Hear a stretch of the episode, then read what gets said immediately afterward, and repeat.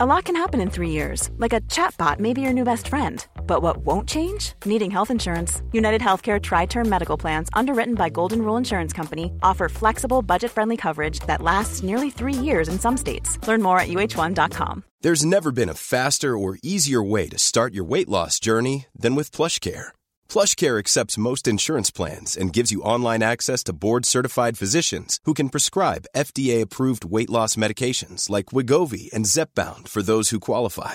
Take charge of your health and speak with a board-certified physician about a weight loss plan that's right for you. Get started today at plushcare.com slash weight loss. That's plushcare.com slash weight loss. plushcare.com slash weight loss. There's never been a faster or easier way to start your weight loss journey than with PlushCare. PlushCare accepts most insurance plans and gives you online access to board-certified physicians who can prescribe FDA-approved weight loss medications like Wigovi and Zepbound for those who qualify. Take charge of your health and speak with a board-certified physician about a weight loss plan that's right for you. Get started today at plushcare.com slash weight loss. That's plushcare.com slash weight loss. plushcare.com slash weight loss.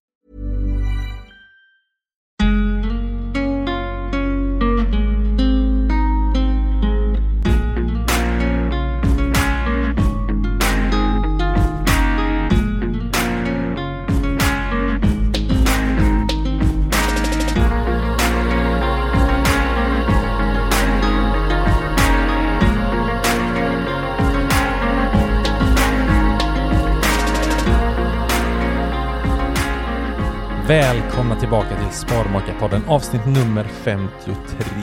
Det är ett nytt år i poddår kan man väl säga eftersom Det, ja. förra året, eller hur? Mm, det har varit nyår.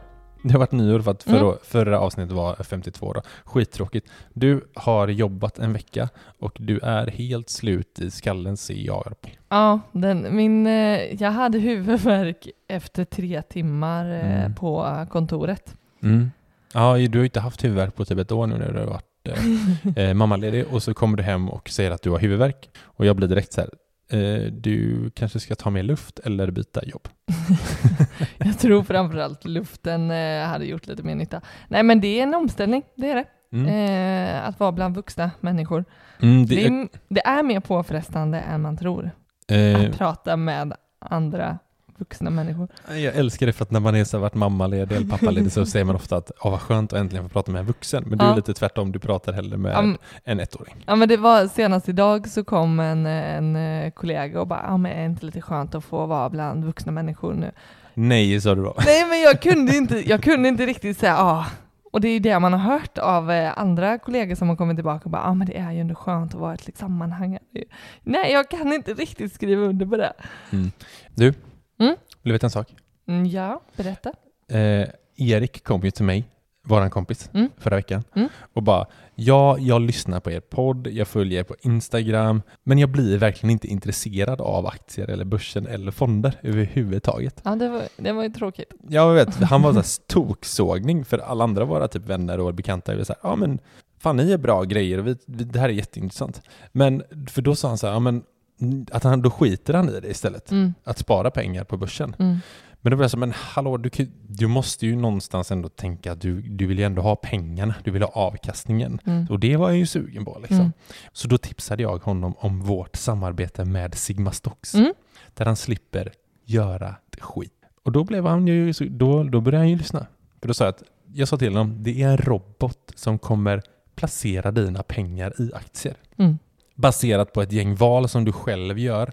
Så att du kan ändå välja ungefär vilka typer av aktier du vill ha. Mm. Men inte exakt vilka bolag eller exakta aktier då såklart. Utan man överlåter det till roboten. Och då, då, då helt plötsligt så startade han upp ett konto och började spara. Mm. Ja, det, jag tänker verkligen att eh, Sigma Stocks erbjuder någonting som gör det så enkelt för vem som helst att spara och placera pengar i aktier. Mm. Vet du vad han sa också då? Nej? Han bara, jag tänker inte lägga massa dyra pengar på att en robot ska placera mina pengar. Mhm. Då sa jag till honom, men du, det, det här är så sjukt bra för att de har en förvaltningsavgift på 0,35 till 0,39 Mm. procent. Mm. Ja, men Erik eh, slängde sig baklänges och eh, en eh, stadig sparare på, av Sigma Stocks nu. Nu, eh, då slipper han, han slipper följa oss. Han slipper följa, lyssna på vår podd. Mm. Så han kommer inte ens höra det här, så vi kan snacka hur mycket skit om honom som helst.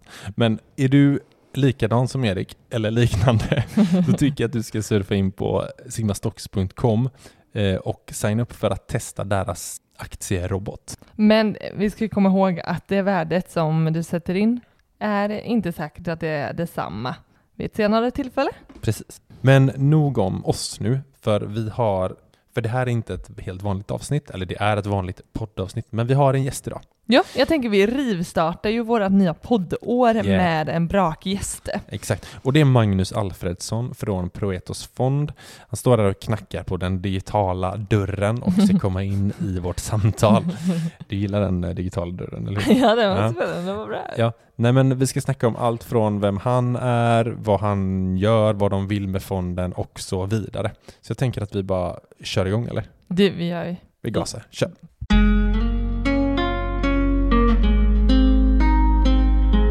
Då säger vi välkommen till Sparmakarpodden, Magnus Alfredsson. Tackar så mycket, det är fantastiskt att få vara med. Ja, hur är läget? Det är underbart. Ja, härligt. Det är ne- nedförsbacke till, till, eh, eller mot jul. Mm. Så eh, jag kan inte klaga. Det är Är lite det- sådär lagom stressigt, men det, så ska det vara så här års. Är så det, du, det är jättebra. Det är underbart att kunna sitta här och prata med er klockan halv åtta på en måndagkväll. Ja, förstår det.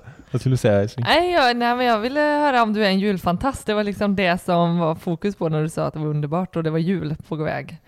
Egentligen inte, men man går ju in i någon annan stämning under julen. Eh, Det blir ett annat fokus. Helt plötsligt så man tar sig tid till alla de där små sakerna som man kanske inte går helhjärtat in i annars. Eh, och då, då, då tänker jag liksom, man kan sitta i timmar och pussla och, och liknande. Och det, det, det, det är skönt att det finns den tiden på året när man faktiskt kan göra det. Men är det inte lite så här, man ska komma in i något lugn, men det är oftast bara stress? Nej, Nej. men då, vi, vi får ju ändå ansvara för vår egen tid. Ja, det är eh, sant. faktiskt. Eh, Ja. Så är, är man en person som blir stressad av att eh, det är mycket folk runt omkring eller man har mycket mat man ska göra så, så Mm. då får man ju börja att lösa sina problem där. Då kanske man ska vara mindre folk och, och göra mindre mat. eh, Så att man ändå anpassar eh, sig utifrån så som man vill ha det för att må bra. Ja, just det. Det låter vettigt. Du, du sitter ju i någon slags skrubb ser vi. Vi har ju, vi har ju film, eller vi kör ju webcam här som man sa för. Men vad är det med grejen? Jag ser bakgrunden, det är lite orangea t-shirtar som hänger och någon på hyllan och, och du har på dig en, Mm. en hel orange eh, t-shirt. Japp, det stämmer. Eh, Proetos fond eh, finns numera på PPMs fondtorg. Och för att eh, lyfta detta, eh, och, eh, vilket jag är väldigt glad över att eh, fonden kom in, så, så, eller hylla detta, så kommer jag ha en orange t-shirt på mig nu under, egentligen hela vägen fram till jul har jag tänkt. Även på jul kanske också. Du skippar det här röda, du kör orange-temat. Mm, jag, jag kan inte lova, jag, jag ska ta en bild från julafton så får vi se, vi kan stämma av efteråt. Ja men härligt. Eh, du, eh, vi brukar köra en grej med våra full, eller vad säger med våra gäster. Eh, ett gäng frågor som vi kallar det. Mm, Så jag tänker att vi kör det med dig också sådär. mycket bra. Känns det bra eller? Kör, kör. Ja. Ska du ta första frågan? Ja, nej men eh, ditt fullständiga namn? Magnus Alfredsson. Jag var i USA som utbytesstudent under eh, ett år när jag, eller när jag var 17 år gammal och då fick jag heta Magnus N. Alfredsson.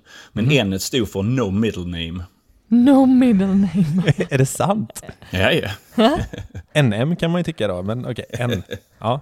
ja, men bra. Du, hur, hur gammal är du? 44. 44. Trivs du med den åldern? Ja, ja det gör jag. jag. Ja, definitivt. Det är ett lugn som, som faller över en efter man är 40.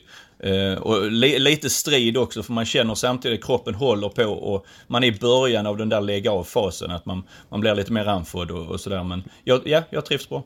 Är det även din mentala ålder? Bra fråga. Nej, ja, det, ja det, det är en jättebra fråga. Jag tror att den växlar. Jag tror att jag har ett, ett brett spektrum eh, så att jag är kapabel att hålla mig på en rätt så barnslig nivå men samtidigt när det krävs så tror jag också jag kan vara på, på, på andra sidan av spektret. Eh, så man, jag, jag tror i genomsnitt så är det nog med min mentala ålder också. Gött. Vad, eh, vad engagerar dig Magnus? Eh, det, vad engagerar mig? Detta jag håller på med engagerar mig väldigt mycket. Eh, jag tycker att det är spännande att leva i en tid, jag tror vi är i början av ett hållbart paradigmskifte. Jag tror att vi kommer att se en enorm förändring i hur vi lever de kommande 15 åren. Och det engagerar mig. Jag, jag, tycker det är jätteroliga frågor. Och jag vet att det är någonting som stressar många och man mår dåligt. Man kan till och med ha ångest över det. Men jag har inte det utan jag, jag tycker det är spännande, eh, det, liksom den förändringen som vi har. Eh, och givetvis kan det finnas väldigt olyckliga konsekvenser men jag ser ändå samtidigt att människan är kapabel att göra väldigt mycket bra. Eh, mm. Så jag tror att vi kommer att lösa detta eh, på ett hyggligt bra sätt. Inte på ett mm. perfekt sätt men på ett hyggligt bra sätt. Mm. mm. Du, en, en maträtt att äta varje måltid under ett års tid. Mm en måltid. Annars skulle jag säga knäckebröd, för jag är en stor fantast av knäckebröd.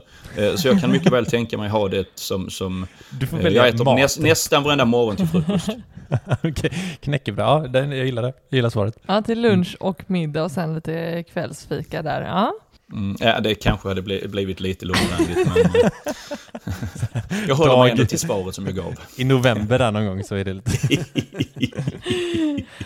vad, vad gör du helst en tisdagkväll klockan sju? Klockan sju, då har jag precis nattat barnen. Mm. Eh, så eventuellt så sätter jag mig ner och bara tar det lite lugnt. Eh, som entreprenör så tittar man kanske eh, sista gången på telefonen, stämmer av om det är någonting som har hänt, kanske ser lite nyheter. Mm. Är det hyggligt väder kanske man går en tur med hunden. Mm. Ja, just det. Mm. Härligt. Du, är du en sparare eller är du en slösare? Jag är en, en, en, en ekonom, en sån där som eh, eh, man, jag skulle säga till bara, det beror på vilka situationer helt och hållet. Eh, jag kan mycket väl vara sparsam, eh, men jag kan ju också eh, vara, vara väldigt slösaktig. Mm. Så det, det beror helt och hållet på vilken situation.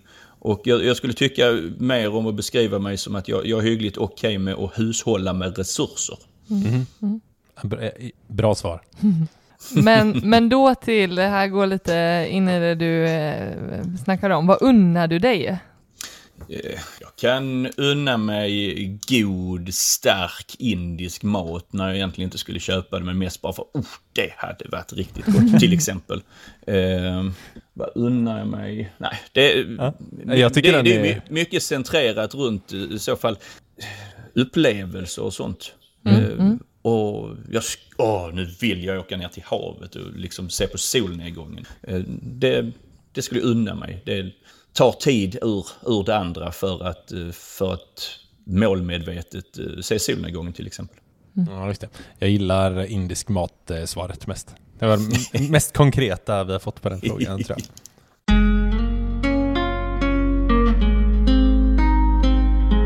Du, vi ska, vi ska snacka om eh, Proetos-fond såklart. Mm. Vad Ska vi börja där kanske kring eh, säkert den frågan du har fått två miljoner gånger. Men vad kommer, vad är det för namn? Det är någon sån grekisk ja. känsla över det. Ja, det, det är det. Man, man, kan säga pro är ju ett prefix. Eh, och det betyder för. Etos betyder någonstans att agera hållbart. Så det, det, det är två ord som man har satt ihop eh, och eh, det funkar för sex år sedan när jag grundade företaget. Jag tycker fortfarande att det funkar. Eh, det var en tanke att man skulle ha ett, ett namn som ändå var så pass komplicerat så att man inte mm. kom ihåg det direkt. Och det är ingen som uttalar Proetos rätt första gången. Utan jag har säljare som ringer mig och så säger de, Hej, är du eh, VD för Protitet? så, ja, ja, just det. eh, och det, det, det, tycker jag är lite komiskt. Eh, men där, där är ju någonting fel med namnet. Det är T, TH är på fel ställe. Eh, och det tycker jag fortfarande är rätt så komiskt. Men jag tycker namnet funkar som sagt för sex år sedan, jag tycker det funkar idag. Mm. Ja, men jag, jag, kan hålla med om att det är ett namn som behöver tragglas, för, men när det väl mm. sitter så sitter det. Mm. Ja, det, det, är ju det. Där, där är olika skolor hur man ska ha liksom, företagsnamn. Antingen ska det vara jätteenkelt mm. eller också kan det ju vara lite mer avancerat. Mm. Mm. Uh, jag tyckte när jag satte ihop den här fonden så den har en del rätt så udda egenskaper. Och då kändes det eh, som att den faktiskt skulle få ha ett udda namn också. Mm. Mm. Eh, sådana här fonder brukar ju heta någonting eh, Sustainable Transition mm. Green Fund Climate. ja, just det. liknande. Ja. Eh, då tyckte jag att Proetos var bättre. Ja, men hur, hur, hur länge har det funnits? Fonden har funnits i snart fyra år. Fyra år. Vad, ja, just det. Vad är vi då? Vi är 2017 någon gång, va? Den, den 2 januari 2018 var mm. första dagen som fonden handlades. Eh, men som jag nämnde innan så firar Proetos sex år, alltså idén, mm. sex år för eh, några veckor sedan. Eh, så där var ju ett, ett, vad ska vi kalla förspel eller någonting på ett och ett halvt, två år Eh, när detta bara var en bra idé och jag var runt och pratade med olika professorer, mm. investerare, mm. folk som var duktiga på portföljteori, som var duktiga på eh, hållbarhetsfrågor och så vidare för att sätta ihop det här ramverket mm. eh, som då är, som är själva Proetos skelett. Eh, så det har varit en, en hyggligt lång resa, men tillbaka på din fråga. Eh, fonden har funnits i lite över tre och ett halvt år, nästan fyra år. Men, men är, det, det, är du, är det du som har grundat fonden? Alltså från, är det tillsammans med någon eller är det liksom? Ja, du gör ju inte någonting sånt här ensam, utan, men, men tanken var min. Jag hade jobbat med, med kapitalförvaltning och private banking eh, i Sverige och utomlands i 15 år. Jag mm. tröttnade på att sälja produkter som jag själv aldrig någonsin skulle köpa. Eh, och satt mig egentligen ner lite frustrerad och, och tänkte nu, nu, nu får jag, jag får ta den kunskapen jag har med mig och så får jag börja på ny kula. Mm. Och så tänkte jag, vilken sorts fond ska jag skapa? Eh, som, som tilltalar mig. Och mm. då är det några olika grejer. Den ska vara billig, det är liksom A och O. Eh, jag tycker att den ska vara hållbar. Eh, den ska vara bra, men det kommer någonstans automatiskt. Men den ska även vara så pass bred att den passar till de allra flesta sparare. Mm. Så det är liksom de, det, det, det är den visionen som jag hade när jag startade detta. Mm. Och sen har jag fått hjälp av hur mycket människor som helst på vägen. En eloge till alla professorer på Lunds mm. universitet som har orkat med mig, men även alla investerare och folk på bank och liknande eh, som har gett sin input och en del har sågat det totalt. Men eh, fram trädde ändå någon, någon, form av, av fond som det ändå har gått rätt så bra för. Mm. Men du snackar om den visionen då, har den förändrats någonting? Eller vad är den uttalade visionen idag? Jag skulle säga att det fortfarande är samma vision. Eh, där fanns ett mellanspel när visionen mer var att eh, etablera en, en, en, ny norm, om jag kan uttrycka det på det sättet, inom hållbart sparande. För jag upplevde att på marknaden fanns det ingen aktör som särskilt helhjärtat gick in på, på, på den hållbara eh, svängen, utan mm. Ofta så gick man ut i media måndag morgon och berättade att vi går all in sustainability. Vi mm. eh, gör en stor grej, marknadsföringsgrej. Och så sen framåt lunchtid någon gång på, på måndagen så hade man glömt det. Och så sen tisdag, onsdag, torsdag, fredag så var det business as usual. Mm. Och det var egentligen den delen som jag reagerade mot och jag ansåg att man skulle kunna göra det annorlunda. Eh, och eh, det, jag, jag, jag tycker det har gått rätt så bra men när jag satte ihop det var det helt banbrytande. Nu är det väl ändå lite mer, där, där finns ett, ett väldigt litet eh, antal andra fonder som har anammat lite av det här tänket. Eh, att man samtidigt ska vara billig men även hållbar och bra och hyggligt bred så det passar alla. Mm. Alltså jag tycker det är intressant med liksom det kontra, alltså jag kan tänka mig att när man köper en fond så, så tittar man ofta på avkastning. Liksom. Det är väl därför man mm. liksom investerar pengarna i någonting. Hur, ni mm. liksom, hur, hur, man väger det mot liksom att det ska vara hållbart. Alltså, i, förstår du vad jag menar? Jag skulle säga att det är två helt olika delar. Mm. Eh, för det där med avkastning, teorin säger så här att om du sätter ihop en väl diversifierad portfölj, alltså en portfölj med väldigt många olika tillgångar, eh, så kan du mellan tummen och pekfingret räkna ut vilken avkastning som du i alla fall kan förvänta dig över tiden. Det innebär inte att du kan sätta in pengarna idag och plocka ut dem liksom framåt midsommar, för det är inte över tiden utan vi pratar långsiktigt. Mm. Mm. Eh, så så länge du sätter ihop en väl diversifierad portfölj så får du eller kan du förvänta dig eh, den avkastning som motsvarar risken i portföljen? Sen hållbarhetsdelen skulle jag säga, eller så som jag har gjort i, i Proet och säga att jag har satt upp fyra olika områden som jag investerar inom. Eh, och det är uteslutande aktier som får plats inom de här fyra olika områdena, eller ett av de här mm. fyra olika områdena. Ja, just det. Eh, och jag tror det är någonting som sticker ut rätt så ordentligt. Ofta har man en ambition att eh, man ska investera i företag som är hållbara. Då kanske man tycker att svenska företag överlag är mer hållbara än utländska företag. Och då tar man det liksom, ja men då är, då är alla svenska företag hållbara så kan vi investera i precis vad vi vill eh, på, på börsen. Ja. Men jag, jag skulle säga att mitt tillvägagångssätt är lite mer konkret. Ja, vi ska snart gå in på de här fyra områdena som jag tycker är superintressanta. Men jag skulle bara vilja höra vad, dina tankar kring så här, vet folk, kanske om man kollar liksom runt om i Sverige, eh, liksom värdet av, känner du att de fattar er fond varför man ska investera sina pengar hos er? Alltså, Ja, Eller jag, finns jag det tror det slags- finns två, två, två olika människor som investerar pengar och två, två olika grupper. Det finns de som bara tittar till avkastningen Mm. och tänker att eh, man förmodligen kommer att kunna få en, en hygglig ekonomisk avkastning om man investerar inom de här olika områdena. För att man tänker vid början av ett hållbart paradigmskifte det kommer att investeras enormt mycket pengar för att göra den här omställningen inom förnybar energi eller elektrifiering av, av fordonssidan eller för substitut till, till, till, till mjölk och eh, eh till, till, till mejeri och kött till exempel. Eh, så det är en del. Sen är det de som gör det för att det känns rätt. För att man tänker efter, om jag har sparade pengar och pensionspengar, varför ska jag placera dem i företag som jag egentligen inte vill ha med att göra? Och jag, jag, jag ska inte säga att den ena sidan är bättre än den andra sidan, utan bå- båda sidorna är ju liksom, de, de gör ju det för att man är övertygad om det. Eh, och eh, jag har full respekt för, för båda, båda åsikterna. mm, Du nämnde tidigare att, att eh, men, faktorer som var viktiga att, eh, för fonden var liksom låga avgifter, en bra hållbar fond. Är det svårt Mm. att kombinera de här och få till det bra?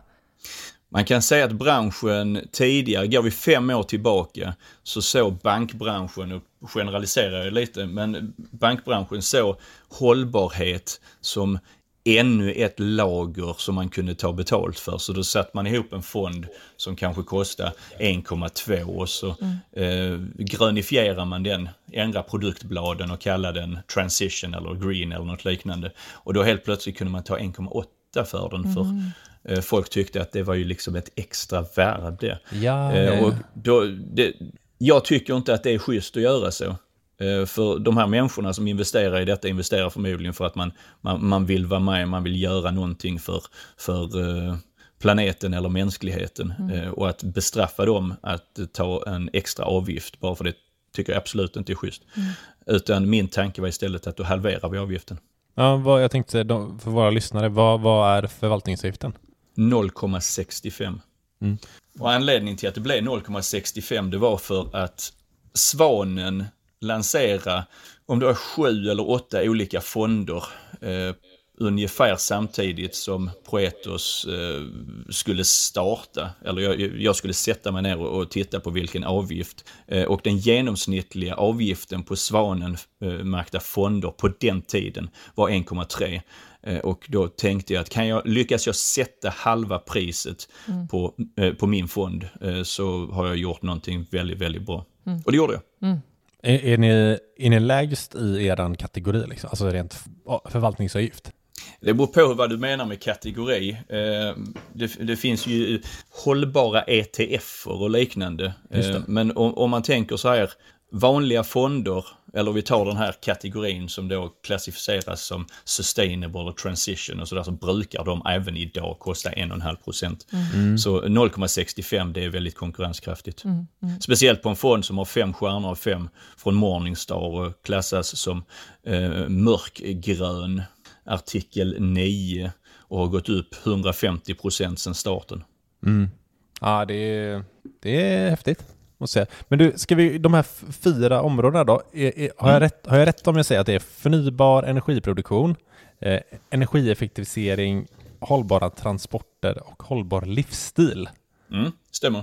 Bra. Vi kan börja, vi kan börja längst uppe, förny, Ja. eh, förnybar energi.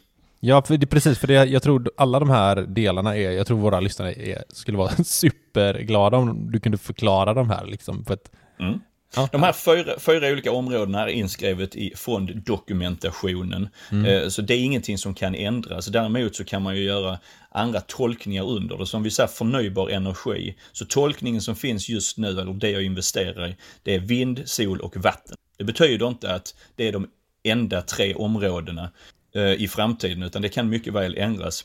Men just nu så är det vind, sol och vatten. Okej. Ja. Det är inte samma massa kärnkraft och så då, som kommer in här och... Nej, Nej. Eh, så, så, som jag sa, saker och ting kan ändras. Jag har liksom dörren öppen för det. Men just nu så är det vind, sol och vatten. Tror du på att det kommer ändras? Eh, ja, det tror jag. jag. Jag tror vi kommer att se nya tekniker. Eh, jag tror vi, vi kommer att se olika sätt att, att utvinna energi på effektivare sätt från solen. Kan mycket väl dyka upp de närmaste tio åren. Eh, kopiera fotosyntes på något sätt. Eh, geotermisk eh, energi är ju väldigt intressant som mycket väl skulle kunna dyka upp här. För att nämna några. Ja, spännande. Eh, ja, men sen energi, ska vi se, energieffektivisering. Mm. A lot can happen in the next three years. Like a chatbot may be your new best friend. But what won't change? Needing health insurance. United Healthcare Tri Term Medical Plans are available for these changing times. Underwritten by Golden Rule Insurance Company, they offer budget friendly, flexible coverage for people who are in between jobs or missed open enrollment. The plans last nearly three years in some states, with access to a nationwide network of doctors and hospitals. So, for whatever tomorrow brings, United Healthcare Tri Term Medical Plans may be for you. Learn more at uh1.com. Mother's Day is around the corner. Find the perfect gift for the mom in your life with a stunning piece of jewelry from Blue Nile. From timeless pearls to dazzling gemstones, Blue Nile has something she'll adore. Need it fast? Most items can ship overnight. Plus, enjoy guaranteed free shipping and returns. Don't miss our special Mother's Day deals. Save big on the season's most beautiful trends. For a limited time, get up to 50% off by going to BlueNile.com. That's BlueNile.com. Där är ju vissa saker som vi måste ha för att kunna leva. Vi måste ha värme, speciellt när vi bor i Sverige. Bor vi närmare ekvatorn så behöver vi kyla. Eh, Vi behöver också ljus. Eh, Så det, det är de tre olika områdena som jag tittar på energieffektivisering. LED-lampor är liksom ett fantastiskt och enkelt eh, koncept. Men värme, det är ju alla former av bergvärme och liksom hur vi effektiviserar för att få ut den värmen som vi måste ha för att kunna leva. Ja, det låter ju eh, är logiskt. Eh, hå- hållbara transporter. Mm. Vi kommer inte att sluta transportera oss själv och varor eh, liksom framöver. Utan vi måste hitta vettiga, hållbara lösningar. Elektrifieringen av fordonsflottan är ju givetvis en stor del. Jag tror att vätgastransporter kommer att bli en viktig del. Eh, kollektivtrafik givet, givetvis. Eh, cyklar investerar vi i. Eh, och det, det är de, de olika områdena under hållbara transporter än så länge. Men det är samma sak där. Dyker det upp annat så jag, jätte, jag tittar jättegärna på det. Mm. Eh, vilken är den sista? Hållbar livsstil. Japp, Den, den det är låter hur, intressant. hur vi konsumerar, hur vi bor och vad vi äter. Den här är ju jätteintressant. Ja, det, är, Den- det är nog den, den som har allra mest potential. Ja. Ja. Eh, hur, hur vi konsumerar, det är ju liksom hela det, det, det cirkulära tänket. Eh, hur vi bor givetvis. Eh, man, man kan bo i smarta hem och med väldigt bra olika lösningar. Eh, men även hur vi äter tycker jag är hur intressant som helst. Jag är inte själv eh, vegetarian. Jag har växt upp med köttbullar och prinskorv. Jag kommer förmodligen att äta en, en kost som består till viss del av, av kött eh, hela mitt liv. Men jag tycker ändå någonstans att det är ett ansvarsfullt eh, beslut som man kan göra att dra ner på det. Och kanske till och med dra ner på det lite, lite seriöst. Eh, så att man faktiskt äter vegetariskt flera dagar i veckan. Och det finns ju bra, bra substitut. Eh, Det, jag är så dålig på att laga vegetarisk mat, men eh, vi var inne på indiskt tidigare. Det, det är ju eh, fantastiska vegetariska rätter de har, men även alla de här rätterna som, som dyker upp som substitut till, till våra vanliga eh, rätter. Allting från köttfärs till Ja, hamburgare och ost i hamburgare och, ja, och så vidare. Verkligen. Ja. ja. men vi snackade ju bara senast häromdagen när vi gjorde eh, månadsmatlistan att så här, ja, men vi försöker tänka 50-50 eh, åtminstone. Men mm. att eh, det är så mycket svårare tycker vi att faktiskt eh, liksom, ja, men hitta bra, goda vegetariska recept. Och det är en mm. För oss har vi. Ja men det, det är som att vi är liksom inkörda med hur man lagar vanlig mat om man säger i, inom citattecken. Om man liksom har köttet som en bas och sen bygger liksom rätten runt det. Det är så mycket enklare mm. för någon som inte har liksom lagat vegetariskt innan. Men nu har vi infört in att vi kör 50% eh, vegetariskt och 50% mm. kött. Då, då liksom, det öppnas någon annan del i, i huvudet som behöver vara kreativ liksom. Ja men och jag tänker att, att mat och, och livsmedel har vi tänker jag fel, men har vi inte kommit ganska långt där ändå? Om man jämför till andra områden inom liksom hållbar livsstil. Det känns jag, jag, jag, jag, jag, jag tror vi, vi kan ju komma en bra bit längre. Absolut. Eh, så, så, så, är det ju definitivt. Eh, jag, jag är ju en person som gärna hade sett, om jag går ut på lunchen, så tycker jag att rätten med kött Eh, skulle ju kosta minst dubbelt så mycket som den mm. vegetariska rätten. Mm. Eh, och det skulle man ju mycket väl kunna justera med en punktskatt eller någonting. Mm. Eh, mm. Men det tycker jag ju känns väldigt självklart och där är vi ju inte. Utan mm. det är fortfarande så här att det är helt upp till individen. Och det kostar precis lika mycket en vegetarisk rätt som en, en icke-vegetarisk rätt. Mm. Om jag tänker så här, jämförelse med konsumtion.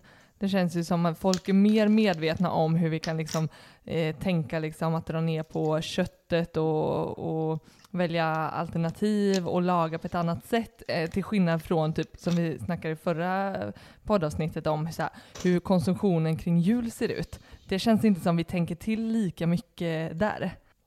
Nej, eh, både ja och nej. Eh, jag, jag tänker själv så här att alla de där jularna eh, tidigare när eh, det har varit barn i familjen eller släkten eh, som har fått någonting och så, så öppnar man då egentligen ungefär samma kvart som man har öppnat det så har produkten gått sönder.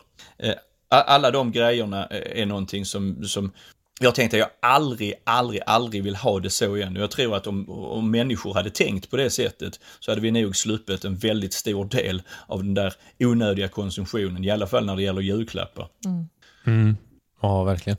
Men de här fyra, jag tycker det skulle vara intressant att veta liksom hur, hur, hur jobbar ni med dem? Är det bara du eller liksom är, ni, är ni flera som, liksom när ni ska typ ta in sådana här bolag då? Eller, alltså är ni, hur ser organisationen ut kring, kring just hur ni arbetar kring, runt de här olika områdena? Jag, jag, jag är ansvarig förvaltare, så det är jag som bestämmer. Eh, yes. Och jag menar regelverket finns där sedan innan. Det är ju de här mm. fyra olika områdena. Investera bara i noterade aktier. De ska vara hyggligt nischade inom de här områdena. De får inte ha en del av sin organisation eller sin produkt eller tjänst som, som, som finns i, i, i, liksom i, i, i en felaktig bransch. Mm. Mm. Utan det, det, ska, det ska få plats innanför en eller flera av de här fyra olika områdena. Eh, och sen är det så här att det är en lågaktivt förvaltad fond, vilket innebär att det handlas inte jättemycket, utan den, den bakomliggande tanken är väldigt enkel. Det är att det ska vara en bred portfölj och låg aktivitet. Det vill säga eh, aktier som jag köper idag hoppas jag att jag trivs med idag, men jag hoppas även att jag trivs med dem om fem år. Mm. Så det är liksom det långsiktiga mm. tänket i allting. Mm. Och tillbaka på du frågar hur man gör när man tar in en ny aktie. Eh, den allra viktigaste aspekten när jag tar in en ny aktie, det är att den platsar i portföljen. Så att jag inte har tagit in sju svenska medelstora bolag till exempel, utan diversifieringstanken är den genomgående tanken. Mm. Så har jag tagit in ett medelstort företag tidigare så tar jag in kanske ett stort företag i ett helt annat land efteråt, i en helt annan industri och så vidare och så vidare. Ja just det, för att ni är inte bara liksom mot svenska marknader utan det är... Nej, det är en global blandfond. Mm. Är det, hur, ser det ut rent procentuellt i fördelningen i fonden? Det är ungefär 20% ränta, alltså 80% aktier. De 80% aktierna är fördelade på 72 olika aktier. Eh, och eh, jag säger så jag inte ljuger här, jag tror det är 16 olika eh, länder det kommer ifrån. Mm. Och en, en hisklig massa olika valutor. Och ingen hedgning när det gäller valutan. Utan köper du den valutan och sen så, så följer man med. Ja, just det. Vi, ja, men vi, vi är ju inne på det lite liksom med, med nya, nya innehav. Alltså jag, jag, kan tänka, jag kan tänka mig att det, det dyker väl inte bara upp ett bolag som ni, eller får ni liksom ett, kan det komma ett mail till dig om ett tips kring ett bolag som säger, ja ah, men här, här är värt att kolla in och sen så tar du upp det med ditt team eller med, med folket du har runt dig och så, och så tar ni in dem. Eller, jag skulle veta mer. Det, det är väldigt ofta att det sker precis så. Är det så? Ja. Men jag, jag är ju också, jag följer ju med här, jag träffar väldigt mycket människor. Mm. Så jag, har en, jag har en kortlista som består av 25 olika bolag kanske. Eh, där, och jag kan mycket väl få tips från, från folk som, som äger andelar i fonden. Eh, som säger att kolla på detta här. Mm. Norska bolaget eller någonting. Eh, då tittar jag på det vanligtvis rätt så snabbt allra först. Eh, och bestämmer om jag ska föra upp det på, på kortlistan eller inte. Sen eh, tanken är att tillföra eller spara i ett nytt bolag, alltså ett extra bolag varje månad. Mm. Eh, och då tittar jag på kortlistan och som jag sa, det viktigaste är att det, det är ett komplement i portföljen, tillför någonting till portföljen ur diversifieringssynpunkt. Så svårare än så är det inte. Men finns det något maxantal i fonden som ni tänker att ni har? Jag vet inte om du sa det, alltså antalet aktier? Eller? Uh, nej, jag, jag, jag har fått den frågan tidigare och funderat på det. Man skulle väl kunna tänka sig att det skulle vara ett maxantal på 150 olika innehav eller något liknande. Men eh, det, är absolut ingenting som, det är inte inskrivet någon regel som säger det. Det är mer rent praktiskt eh, att man skulle kunna ha det så. Men eh, vi, vi, får se när, när eh, fonden börjar nå upp liksom till 100-120 innehav. Vad som är mest, mest praktiskt. Mm. Jag tänker, du sa att eh, du tittade mycket på ifall det skulle bli ett komplement, men kan det också, mm. skulle det kunna vara att det, det blir ett byte mm. för att det är faktiskt eh, något ännu bättre? Eh, ja, det skulle det kunna bli, men oftast blir det inte det. Nej. Utan om man tänker så här, om, om fonden är exponerad mot, eh, vad ska vi ta? Vi, vi tar elbilar. Mm. Eh, så om man har ett bolag så är man rätt så exponerad mot just det bolaget i, i en bransch som är rätt så nischad. Eh, om man skulle kunna sprida ut det, om det är fem olika aktörer som man skulle kunna köpa istället, eh, så, så har man tagit bort en större del av den företagsspecifika risken. Eh, så det, det, det, är lite så tänket går. Eh, tittar man vindkraft, eh, om det finns tio olika aktörer som är duktiga, så ärligt talat, det är ingen som kan veta vilket av de tio som kommer gå allra bäst de mm. närmaste sex månaderna, utan det, det, blir alltid bara spekulationer. Mm. För det handlar om orderingång och eh, for, form och vd och så vidare. Det, det är så mycket olika delar eh, som, som, som spelar in. Eh, så skulle jag kan man sprida ut innehaven då i tio olika innehav istället så har man en hygglig exponering mm. mot den branschen och man minskar avsevärt den, den företagsspecifika risken. Mm. Mm. Ingenting som är rocket science, det är så här man gör. Mm. Men plockar ni ut bolag då? Alltså har ni plockat ut något bolag ur, ur fonden? Uh, ja. ja. Vid, vid, vid fåtal tillfälle. Och det, det, det är vanligtvis i så fall av, av rent etiska skäl. Någonting händer, man agerar på ett sätt eh, som inte är okej. Okay. Mm. Ja men precis, det, det, det är det jag tänker att det, har de uttryckt, de bolagen investerar i, har de uttryckt liksom vi är hållbara eller vi är för en liksom? Nej, jag, jag, le, jag letar inte efter de företagen som går ut och säger att de är Nej. jättehållbara. För vanligtvis är det de som kanske är mer i gråzonen som behöver eh, ha jättemycket marknadsföring och lyfta fram och berätta för världen att vi är jättehållbara. Mm. Eh, vanligtvis när man Eh, i alla fall för något år sedan, så när man tittar på de svenska bolagen som skulle vara allra mest hållbara, så brukar det bli att de svenska eh, bankerna låg väldigt högt upp på listan. Hennes och Maurits, eller H&M låg väldigt högt upp på listan. Och sen något av våra industribolag. Eh, jag kan säga att det är ingen av de bolagen som jag precis har nämnt, som jag har i min portfölj, för jag anser inte dem vara jättehållbara.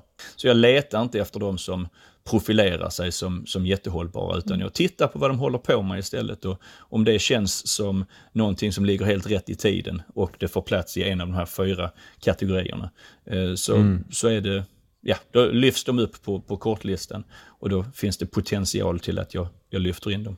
Ja, jag tycker det låter eh, grymt vettigt. För det, det, är ju, jag tycker ändå det, det är någonting som slängs med ganska ofta hållbart, liksom, alltså som, som begrepp.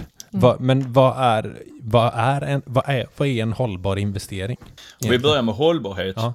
eh, så skulle jag, skulle jag säga att det handlar ju om att leva inom våra planetära begränsningar. Det är ju någonstans det som är hållbart. Någonting vi inte kan hålla på med i all evighet är ju per definition, definition inte hållbart. Mm. Eh, mm. Och då var det en hållbar investering. Jag, jag, skulle säga att det är en investering som driv, bidrar till att vi kan leva hållbart. Och kanske så, så finns det i en av de här fyra kategorierna.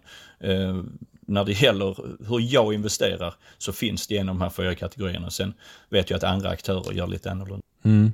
Något som är så sjukt tråkigt mm. och som för många tror jag är förknippat med lite ångest, mm. kanske till och med ganska mycket ångest, ångest mm.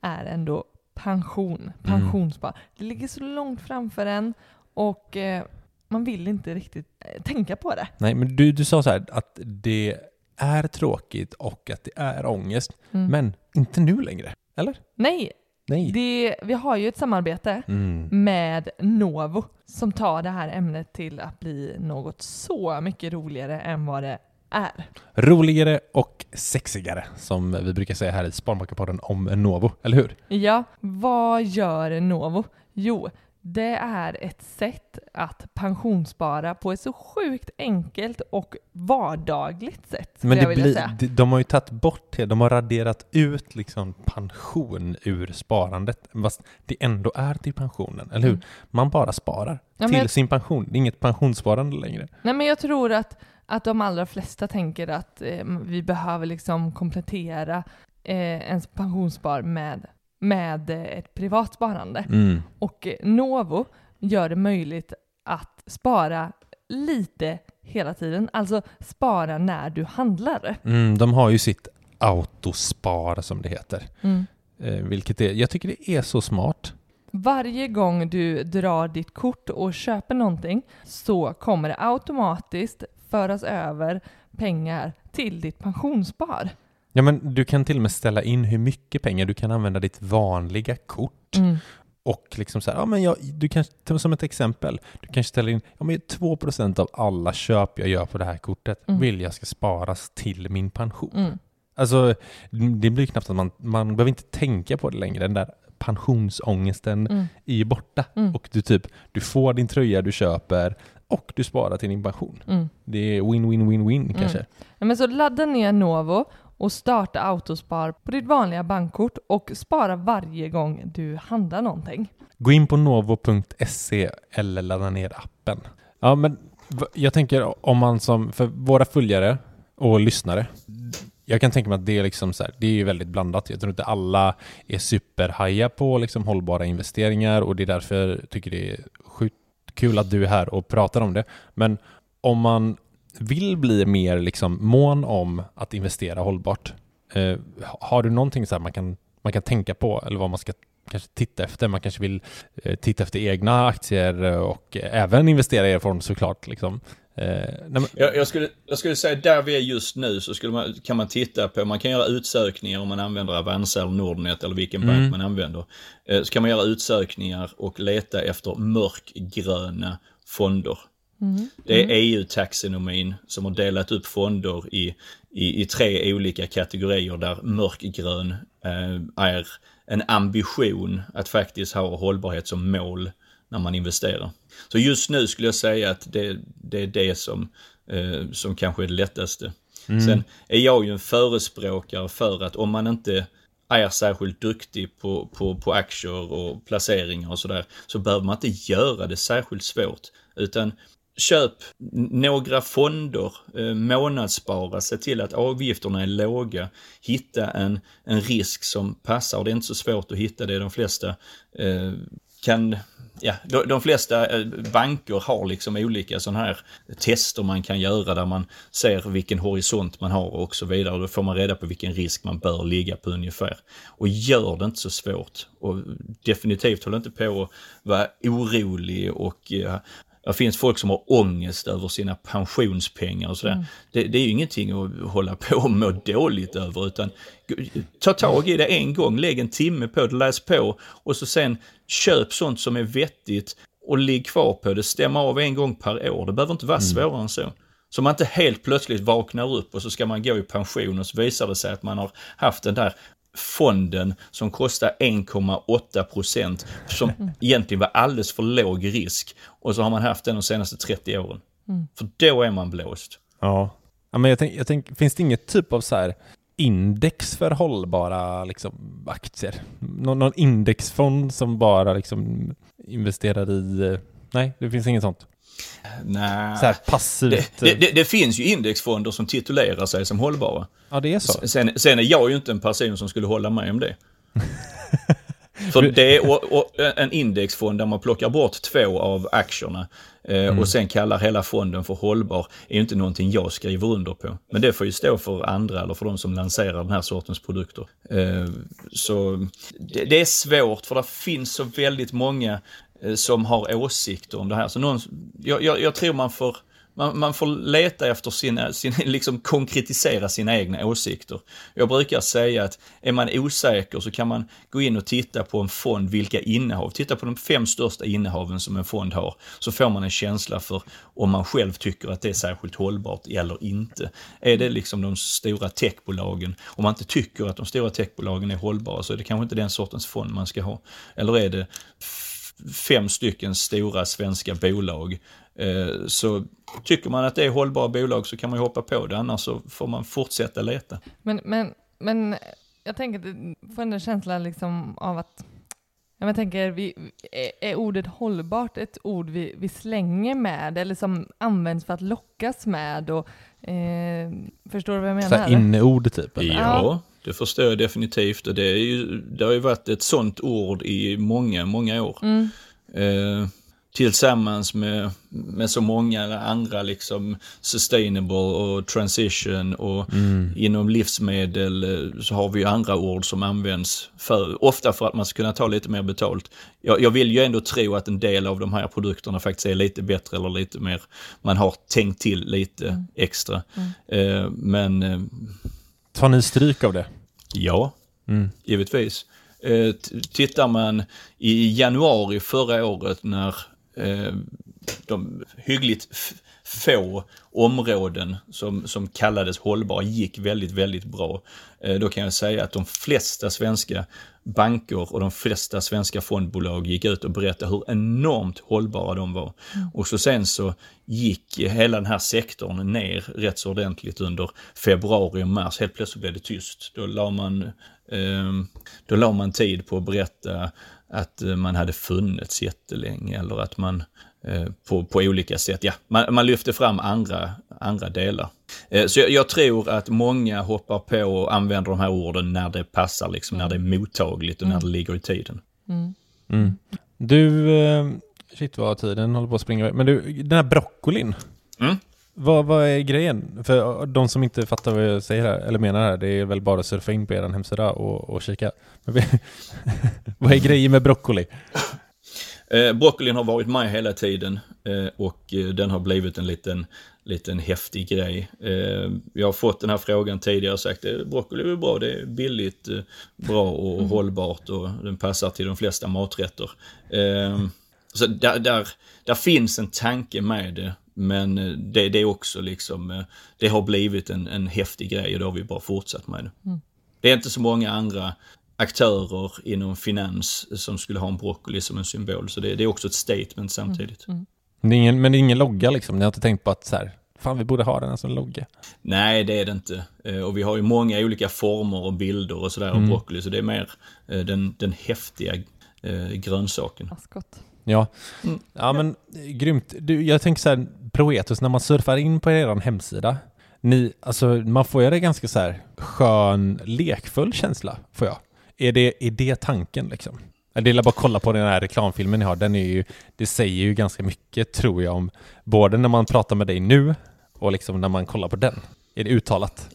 Ja, det är ju inte slumpen att det har blivit så. Och givetvis, ett litet företag eh, med begränsad budget, då gäller det ju att sticka ut på, på något annat sätt. Och det tycker jag vi gör genom att vara billiga, genom att vara ärliga, väldigt transparenta, väldigt mänskliga, väldigt närvarande. Mm. Eh, så det är det som vi försöker få att gå igenom egentligen eh, hela, allting vi gör, hela varumärket. Ja, Eh, men för, Jag, jag, f- jag får väldigt mycket feedback från våra sparare just angående närheten och att det är Mm. personligt och sådär. Precis. Och jag, jag tycker det är så roligt.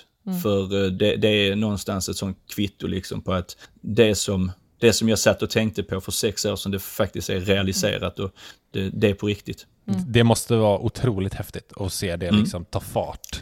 Mm. Eh, men ni, och ni är också i en bransch där liksom många tänker så här, det är finans, det är pengar, det är mycket kostym och du sitter i en orange t-shirt liksom. Är det också Mm. den tanken kring, eller du kanske, du kanske går runt i kostym annars? Eller är det liksom eran? Nej, jag, jag, lo- jag lovar att eh, jag har strökit min sista skjorta. Jag har, eh, eh, jag har en garderob proppfull med kostymer och skjortor och sådär sedan den tiden som jag jobbar på bank. Eh, Men jag använder dem aldrig någonsin. Jag tror att vi kommer att lotta ut eller göra någon sån här välgörenhetsgrej och dela ut de här skjortorna för nu börjar jag tröttna på dem.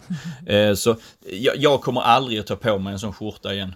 Utan det, det är inte det vi håller på med, utan vi plockat ner detta. Vi sitter inte på några höga hästar, vi säger inte att detta vi håller på med är svårt. Eh, Vi använder inte de svåra orden utan försöker förklara så att folk förstår istället. Man måste älska det.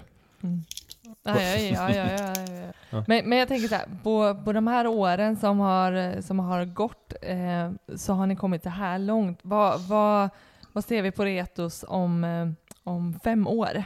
Vad är ni då? Man kan säga just nu så finns fonden i samtliga nordiska länder. Eh, Men vi har, vi har bara precis kommit in där, så jag tror att vi, vi, har, vi, har, vi har kommit djupare in i de marknaderna. Eh, Jag tror att vi har lanserat den i Tyskland och Holland.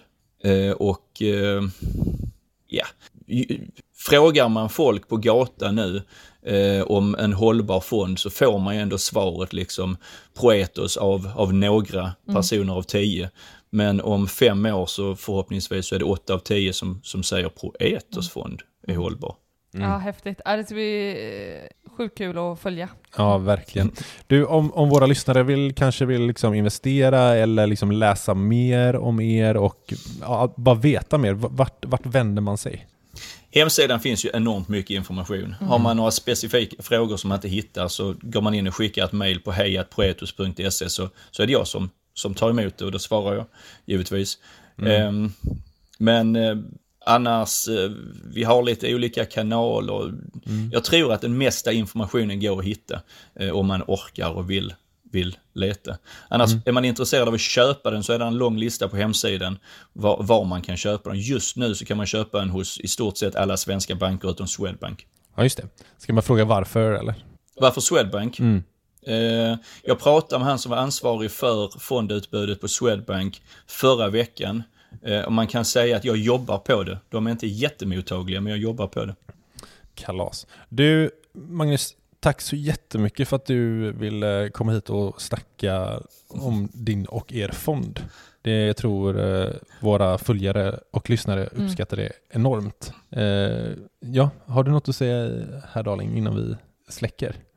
Ja, det är redan rätt mörkt här. Eh, hos oss i alla fall. Det lyser fint borta hos dig Magnus. Din skrubb, den ser eh, mysig och varm ut. ja, Nej, men vi får tacka så hemskt mycket. Det har varit väldigt spännande att få höra mer kring eh, hållbarhet och investering och framförallt eh, Proetos. så får vi ta en sittning längre fram och höra hur det har gått helt Mm. enkelt. Definitivt. Det är jag som tackar och eh, har en fortsatt underbar kväll. Ja. Vi, eh, till våra lyssnare, så har ni frågor, vi vill gärna att ni tycker till om det här avsnittet, så skriv till oss på sparmakarna.gmail.com eller gå in på vår Instagram där vi heter Sparmakarna. Skicka ett DM så hörs vi nästa vecka. Tja då! Hej då!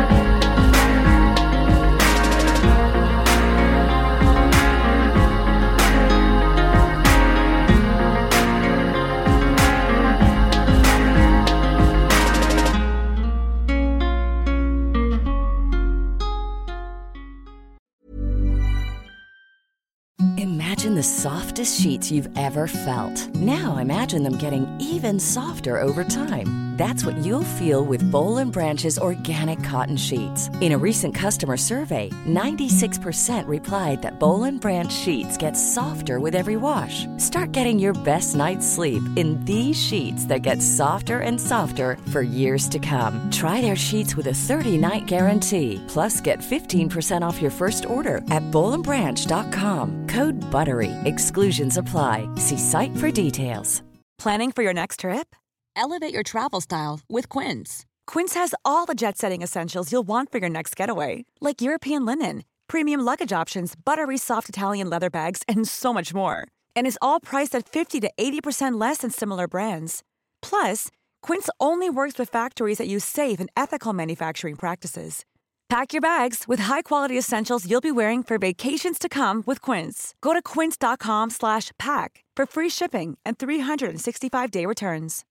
Hi, I'm Daniel, founder of Pretty Litter. Cats and cat owners deserve better than any old-fashioned litter. That's why I teamed up with scientists and veterinarians to create Pretty Litter. Its innovative crystal formula has superior odor control and weighs up to 80% less than clay litter.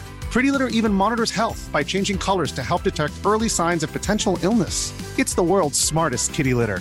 Go to prettylitter.com and use code ACAST for 20% off your first order and a free cat toy. Terms and conditions apply. See site for details.